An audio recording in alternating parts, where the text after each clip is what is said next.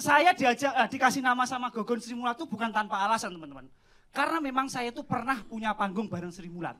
Saya itu pernah punya program bareng Sri Mulat di TV. Nah, saya bisa punya panggung bareng Sri Mulat di TV itu bukan kok karena saya ikut casting enggak. Karena kebetulan saya memang kerja di TV. Dan katanya muka saya mirip Gepeng Sri Mulat. Di sini ada yang tahu Gepeng Sri Mulat? Tahu. Eh kalian belum tahu ya? Nah, jadi dulu waktu sebelum tapping sama Sri Mulat, saya itu cuma di, disuruh muka kayak gini dan suara kayak dia. Jadi gini teman-teman. Ya, nungguin ya.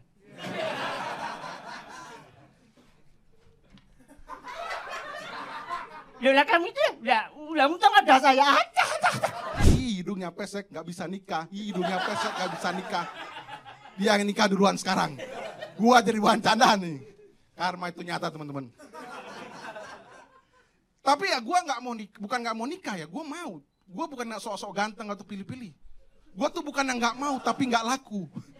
Ya, karena gua ditolak mulu di mana-mana, bener. Gua nembak teman sebaya gua, ditolak karena beda agama. Akhirnya gua cari yang jauh lebih muda. Gua tembak lagi, ditolak juga. Katanya umur gua lebih tua dari orang tuanya. Padahal kan cinta nggak mengenal usia ya. Akhirnya gue putar otak, gue ke desa belusukan. Karena gue pikir orang kota ke desa gampang cari cewek kan. Gue ke desa, ketemu garis desa, kembang desa. Gue tembak, ditolak lagi. Keduluan sama petani bawang.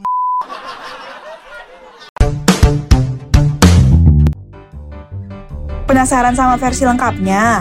Tonton dan dengarkan versi fullnya hanya di comika.id. Check out video digital stand up komedi favorit kamu sekarang dan jadilah membership untuk mendapatkan potongan harga hingga 50%.